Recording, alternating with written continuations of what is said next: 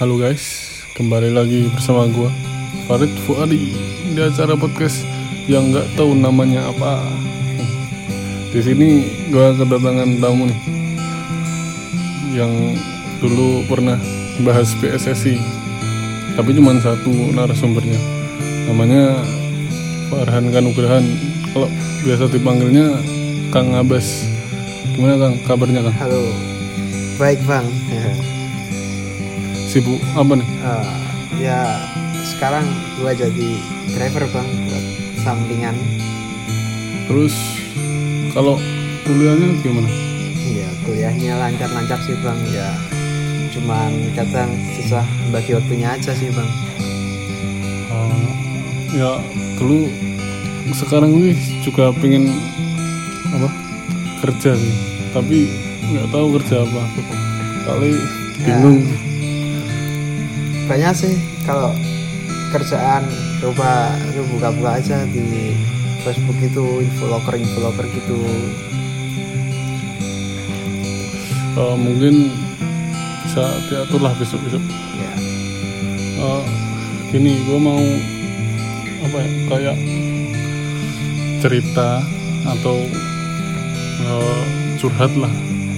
Karena ini polisi oknum ya oknum polisi banyak banget nih ada dulu kan udah pernah eh, ada muncul satu apa lapor apa, percuma. Percuma lapor polisi itu. percuma lapor polisi. Terus eh, lama kelamaan si oknum ini banyak. Bukan cuma polisi tapi TNI juga. Nah kalau dulu lapor apa namanya Lapor polisi. Apa? apa hashtagnya Eh, satu hari satu oknum. itu kan sekarang Oh ya. baru-baru ini yang dulu percuma lapor polisi Nah, percuma lapor polisi itu eh, jadi dari kasusnya gua lihat waktu ada kasus ketika ketika lagi eh, waktu ada si apa, bapak. Bapak memerkosa memerkosa anak. Yang itu ya. Siapa namanya? Lupa aku. Kalau nama nggak tahu jangan disebutin Oh, lagi sebutin ya. Jadi- tapi padahal eh, pelaku itu sebutin nggak apa yang penting jangan korbannya. Kasihan kalau korbannya. Ya nanti kan ada UU ITE bang. Oh ya jadi agak direm-rem aja. Gitu. terus eh, dia eh, si ibu ngelapor eh, suaminya mantannya itu ke polisi. Nah itu diusut tapi hanya beberapa hari. Terus habis itu di di apa namanya diberhentikan kasusnya. Nggak tahu gara-gara apa. Terus nih kasus keluar di Twitter terus malah rame. Nah habis itu si netizen netizen Budiman ini eh, ngeluarin hashtag percuma lapor polisi. Jadi dari situ percuma lapor polisi. Kira-kira di tahun berapa? Tahun 2021 akhir akhirnya kalau percuma lapor polisi. Nah, terus merembet merembet merembet sampai sekarang tanggal berapa sekarang mas? sekarang tanggal 13 13 Januari 2022 Tanggal 11 Januari kemarin ada oknum polisi yang eh, berulah lagi, tapi beda beda eh, oknum. Di sini si oknum eh, maksudnya si korban itu driver Gojek. Jadi driver Gojek ini eh, apa ini? Driver Gojek kehilangan motor kehilangan motor terus melapor di Mapolsek Cilengsi. Nah, habis ngelapor malah dapat perlakuan nggak enak dari po- kepolisian. nggak ditanggapi gitu ya bang ya iya hmm. nah si eh, abang gojek ini katanya nih ya kalau nggak ada uang nggak diurus nah padahal kan kalau ngurus-ngurus kehilangan gitu cuman disuruh eh, apa namanya diberi surat kehilangan terus diurus. Nah kalau diurusnya terus diusut sama kepolisian nggak tahu tuh kapan apakah cepat atau lambat. Tapi sesuai prosedur gitu. Nah si kepolisian ini membenarkan adanya tindakan itu tindakan perspektif eh, perspektif? Eh, tindakan penganiayaan. Nah, kata si kepolisian yang eh, diwawancarai.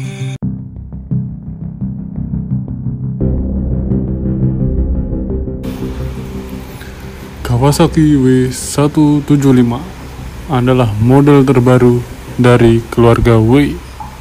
Mengikuti W800 dan W250 desain W175 dibuat simpel dan tradisional dengan proporsi klasik yang tak lekang oleh waktu sepeda motor dengan desain sepanjang masa walaupun masuk dalam segmen di mana didominasi oleh model sport bebek dan matic W175 menawarkan alternatif yang lebih berkelas.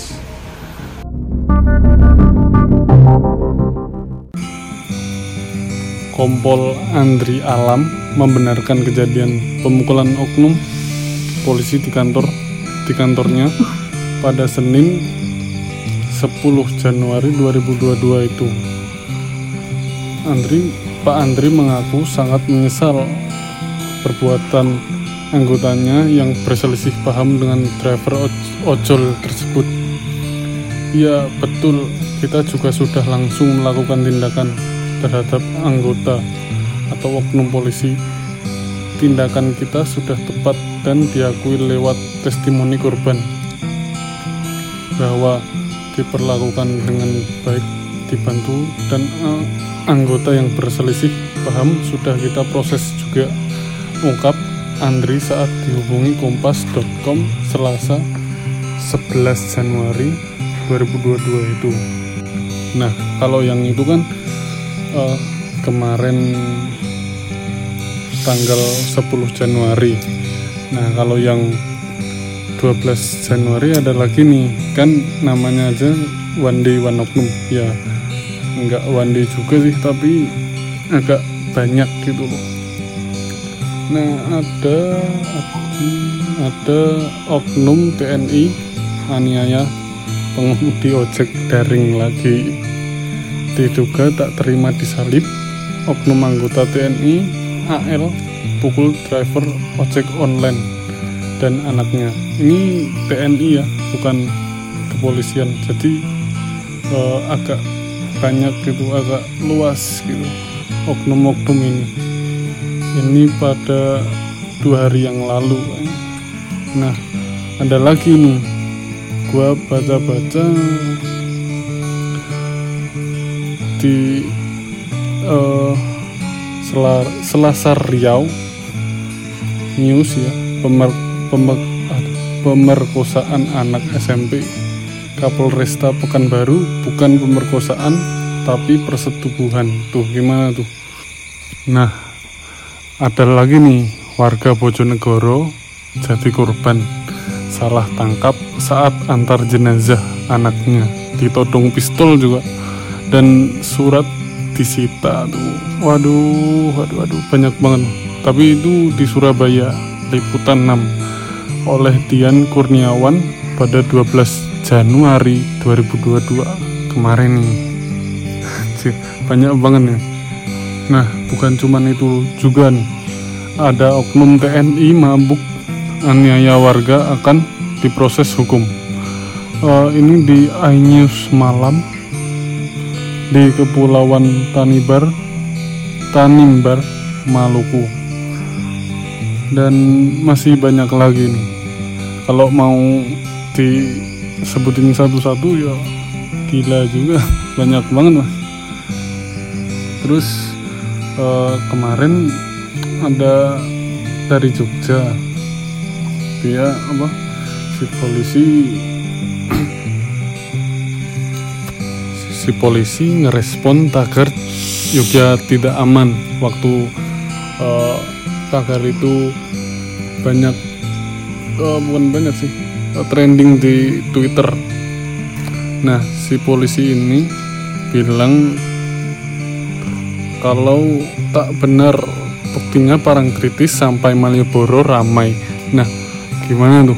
Kan padahal kelitih itu eh, melancarkan aksinya bukan di sepanjang itu.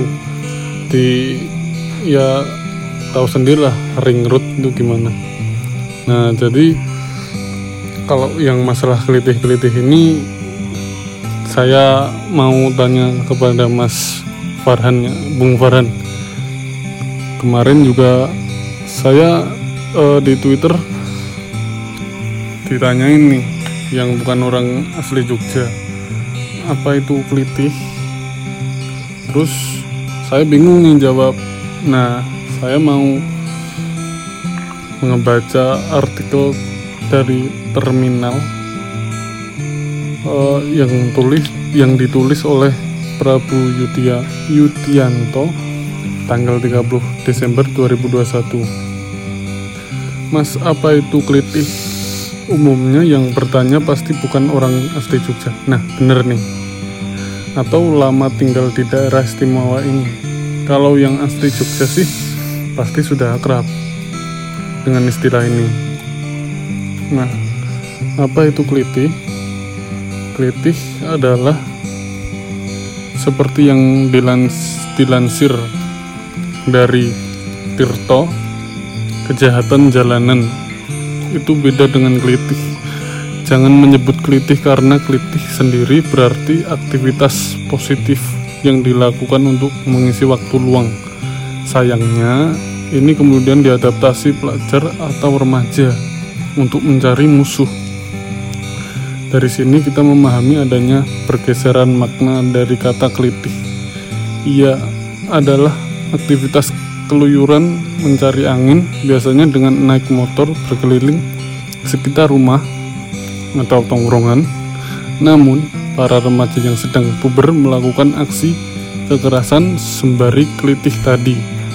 Nah jadi kelitih itu berarti eh, aslinya kayak nggak apa ya kayak kayak orang gabut gitu gaji buta terus eh, dia mabuk. Lalu ya banyak yang mabuk ya?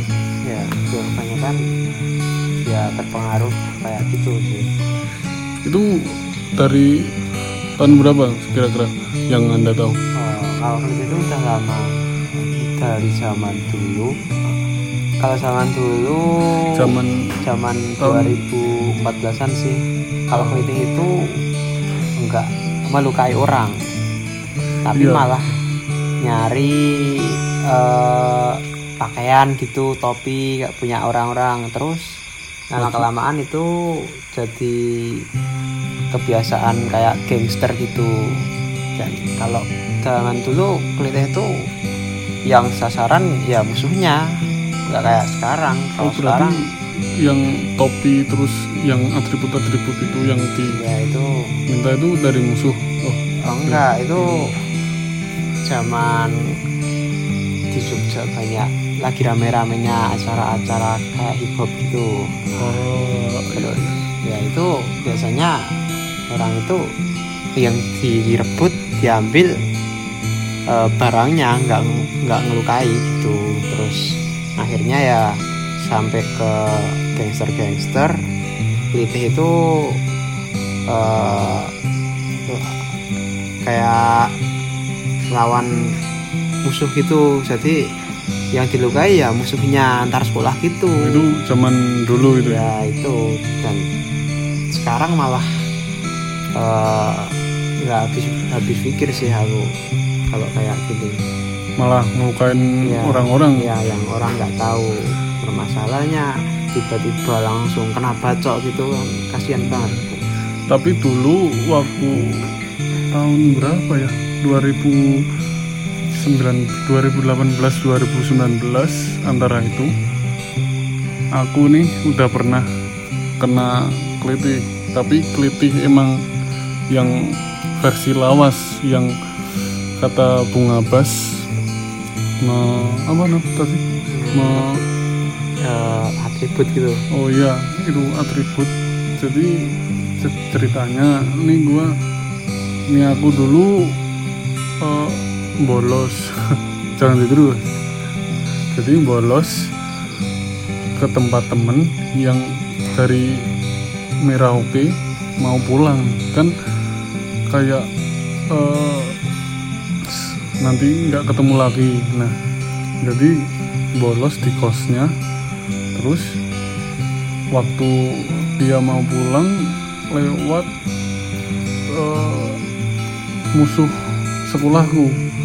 Nah waktu itu aku nggak tahu nih kalau mereka ini eh, sekolahku sama sekolah si kelitih ini musuhan. Jadi aku eh, waton waton. Eh, ngasal. Ngasal. Lewat lewat gitu aja. Nggak tahu konsekuensinya loh terus diikutin. Nah waktu diikutin mereka bilang cahandi cahandi itu artinya eh, anak mana anak mana. Jadi konteksnya sekolah ya anak mana sekolah mana. Aku bilang dari salah satu perguruan ya sa- salah satu sekolah yang emang terkenal cuman eh, cuman nakalnya kenakalannya. Nah mereka mereka eh, bablas gitu aja. Terus waktu itu bablas malah ketemu lagi di salah satu jalan di dekat Tugu kalau nggak salah. Terus waktu itu sepi nih jam 3an padahal ter- eh, jalan itu sepi. Terus saya dicekel dicekel di Tangkap. ditangkap disuruh ikut nah waktu disuruh ikut saya eh, berpikir dua kali nih mau ikut apa enggak. Soalnya kalau ikut ya konsekuensinya besar. Kalau enggak malah tambah konsekuensi. Soalnya yang eh, apa yang nangkep aku orangnya bongsor-bongsor. Dua orang bongsor dua orang kayak masih eh, apa namanya baru gitu. Nah itu ikut terus di stop di salah satu jalan yang sepi. Nah habis di stop terus disuruh copot pakaian. Nah untungnya cuman dicopot nih. Dicopot terus diminta untungnya lagi nggak diapa-apain nggak ditusuk nggak dihajar malah jadi berapi kan kalau diajar mas. Nah terus habis itu mereka langsung cabut gitu aja. Wah, itu sangat-sangat gimana ya? Nggak habis pikir gitu loh. Padahal cuman ya gitulah. Terus pernah pernah jadi korban keliling mas? Juga pernah mas saya tuh gimana? Eh, tahun 2020 awal kayaknya ya. Itu saya sama temen saya saya mampir di kosan dia terus ngerjain tugas deket kampus. Hmm, iya nah itu pulangnya dari ngerjain tugas jam 2 nah, aku udah pikir nih perasaanku nggak enak. Pulang jam segitu lewat jalan yang eh, terkenal juga rawan sangat rawan. Nah tapi ya gimana lagi lewat mana lagi gitu kan. Kalau lewat lainnya jauh ya udahlah lewat situ.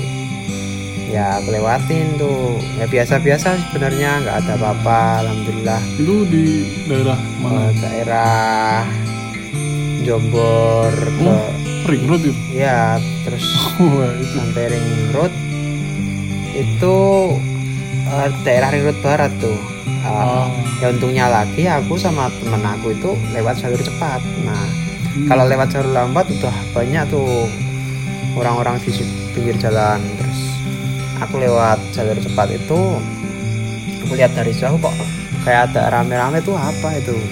Terus kan aku bingung. Terus temen aku itu orangnya bukan asal dari Jogja jadi nggak tahu itu apa. Oh Nah, terus aku asal yaudah yuk berani aja.